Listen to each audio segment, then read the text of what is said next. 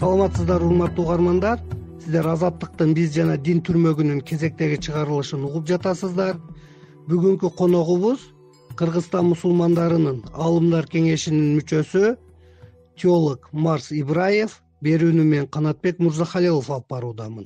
Биз жана дин. Биз жана дин марс мырза өзүңүз билгендей диний ишенимден алганда үй бүлөдө аял баркталууга тийиш бирок акыркы кездери үй бүлө зомбулугу тууралуу тараган маалыматтарды карап отурсак аялдар курмандыкка чалынып жаткандай. Эркектердеги өкүмзорлук табиятка диндин таасири кандай деп ойлойсуз? Бул динди түшүнбөгөндүктүн белгиси десек болобу? Чындыгында үй бүлө маселеси ислам дининдеги эң э, сезимтал өзгөчө маани берип каралган э, алла тааланын буйругу пайгамбарыбыздын э, сүннөт жолу болгондуктан бул жердеги бүгүнкү күндөгү э, зордук зомбулук э, өзгөчө мына эркектер тарабынан аялдарга карата көргөзүлгөн зордук зомбулуктардын негизги себептери мен айтат элем бул динибизди толук жакшы түшүнбөгөндүктөн. Мындайча айтканда эч качан ислам дини аялды бир кордогула же аны сабагыла деп буйрубайт. Айткан дагы эмес тескерисинче аны бир жек көрүү менен бул кылган адамдардын бул жоруктарын э, бир инсандык бир эмеге туура келбегендигин айтат. Пайгамбарыбыздын хадисине ылайык э, аялдарыңарга жакшы мамиле кылгыла деген э, мындайча айтканда эркектердин арасынан эң мыкты эркек эң мыкты күйөө ошол өзүнүн аялына жумшак жакшы мамиле кылгандар дейт. Дин адам баласы динди кармангандан кийин өкүмзорлук же болбосо аны өзүнүн жубайына мындай Э, зордук зомбулук менен э, ушундай бир э, таризде кылып аялды тоготпогондой басымтуу бир эмесине киргизет деген нерсе таптакыр туура эмес. Тескерисинче ошол динди түшүнбөгөндөн толук түшүнбөгөндүктөн жакшы билбегендиктен анан чала чулпа ар кандай кептерди тиягынан чымчып биягынан чымчып балким ошо диний маалыматтарды дагы туура эмес. Мындайча айтканда түшүнүп алгандыктан э, ошондой нерселер келип чыгып аткан болушу мүмкүн. Эң негизгиси эле себеби бул дин менен да тиешеси жок дагы көбүрөөк адамдын табият таалим тарбия албаган маселеси гана деп ойлойм. Сиз айткан аргументтерди динди түшүнбөөчүлүк деп эсептесек анда дин ишмерлери элге түшүндүрүү иштерин жүргүзүүдө буга көңүл бурбай жатабы? Каерде кемчилик кетип жатат деп эсептейсиз чындыгында бүгүн э, динден эмес э, деп айтып атканда динди туура эмес талкуулап түшүндүрүү маселеси дагы болуп аткан болушу мүмкүн коомубузда.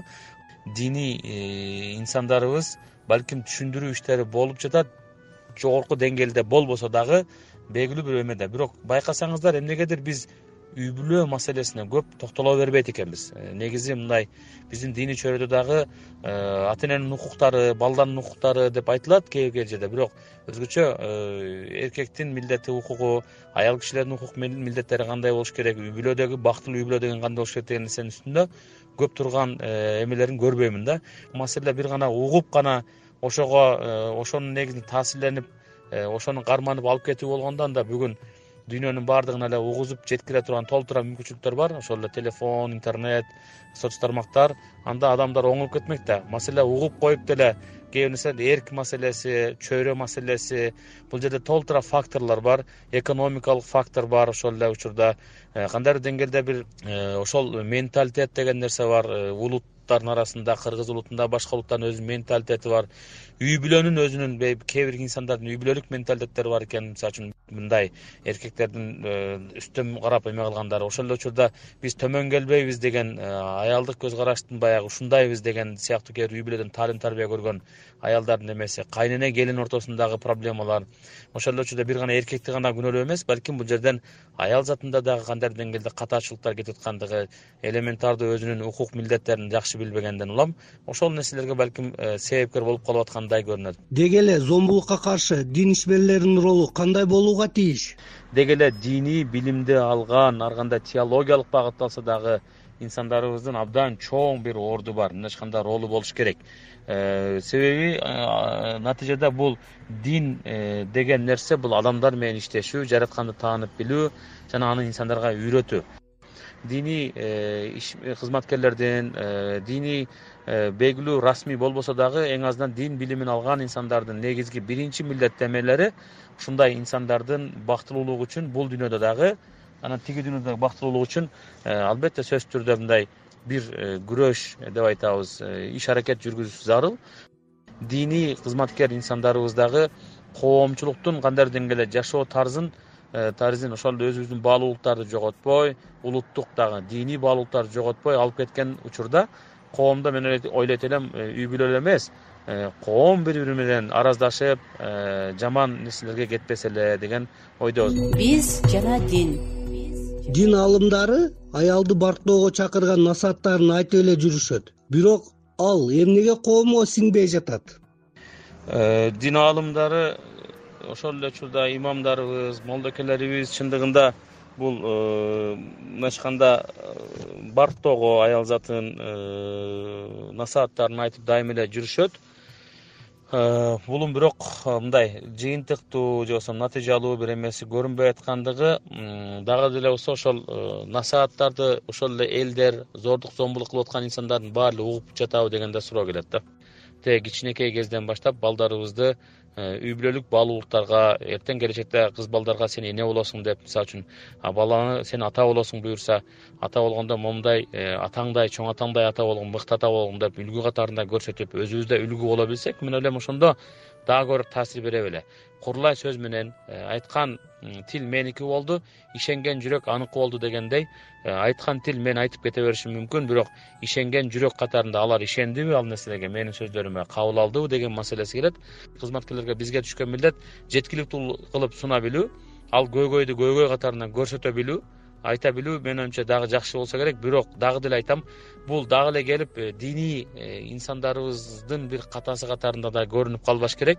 Натыйжада ошол инсандарды ошол абалга келгендигине балким бүгүнкү күндө коом э, кандайдыр деңгээлде ошол кичинекей кезинен берилбей калган жеткирилбей калган таалим тарбиянын дагы мөмөсү болуп жүрбөсүн. Биз диний түшүнүктөр жайылган ошол эле учурда мыйзамдар башкарган мамлекетте жашайбыз. Канткенде диний жана мыйзамдык жоопкерчиликти сезебиз. Ошол диний жана мыйзамдык жоопкерчиликтер сезүү маданиятына качан жетебиз дегенде э, чынын айтканда мен айтат элем ошол баягы динибизде ихсан деген түшүнүк бар. Сен жаратканды көрүп турганда ибадат кыл сен аны көрбөсөң да ал сени көрүп турат деген түшүнүк бар да. Мен ойлойм баягы бул мыйзамдарды деле диний баалуулуктардын жоопкерчилигин деле э, сезишибиз абдан кыйын болгудай. Же болбосо экинчи бир эмеси бар. Өтө катуу бир аткаруучу бир э, жазалоочу деп айтайлы кээ бирки мындай ыкмаларга баруу менен гана балким сездирүү мүмкүнчүлүгү болушу мүмкүн. Бирок анда деле ал көпкө узабайт деп ойлойм ыктыярдуу түрдө ушул үй бүлө баалуулуктарын байма бай айтып үй бүлө куруу керек экендигин бүгүн демографиялык проблемаларыбыз бар. Э, бүгүнкү күндө биздин ошол төрөт маселесинде балдардын э, илгеркилер он балалуу он төрт балалууга чейин болгон үй бүлөлөр төрт беш балалуу болсо ии төрт эле беш эле балалуу болдуңбу дегендей кеп кылган болсо бүгүн төрт беш балалуу алты балалуу болгондорду о деп мындай көрүп калган заманда жашап атабыз да биздин баягы түшүнүктөр дагы өзгөрүп кетти кадимкидей. Э, биз бир балалуу болсок болот эки балалуу болсок деп өзүбүздү өзүбүз чектеп атабыз экономикалык нерсеге байлап атабыз бага албай калам деп моралдык жактан даяр эмес экенбиз дегендей коркуу менен биз кандайдыр деңгээлде мокотуп койгондойбуз үй бүлө деген баалуулукту ошондуктан биз э, ошол баалуулуктарды кайра кайтаруунун эң жакшы жолу Э, биринчиси ыйман ишеним экинчиси ошо мыйзамдардын так жакшы көзөмөлдөнүп аткарылышы деп ойлойм.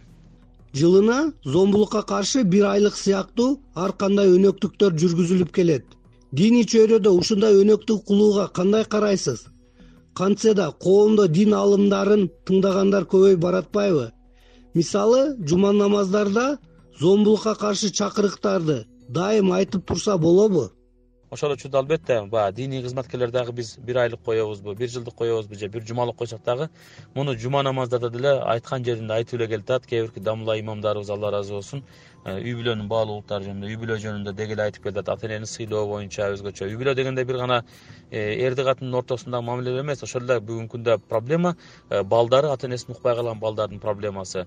Бүгүн келин менен кайнене ортосундагы проблемалар чыгып атат. Чындыгында өтө көйгөй маселе. Ошонун аркасынан үй бүлөлөр ажырап атат. Ошонун аркасынан балким ошол балдар эркек балдар аялдын артынан ээрчип ата энесин таштап кеткен учурлар көп кездешип атат мисалы үчүн.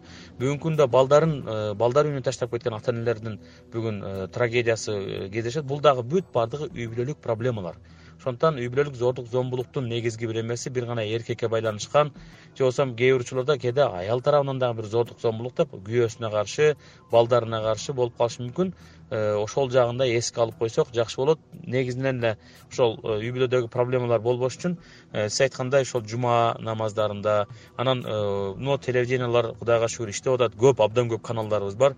Аларда орун берсе сабак мындайча катарында программаларды койсо жумалык сөзсүз түрдө бир сааттап бир сааттап кенен анан өтө жакшы илимдүү устаздарыбызды аалымдарыбызды чакырып ошол жерлерде ошол темаларда суроо жоопту кылып ар кандай форматта көрсөтүү уктурууларды кыла турган болсо мен ойлойм абдан жакшы бир э, натыйжага келсек керек эле. Биз жана дин.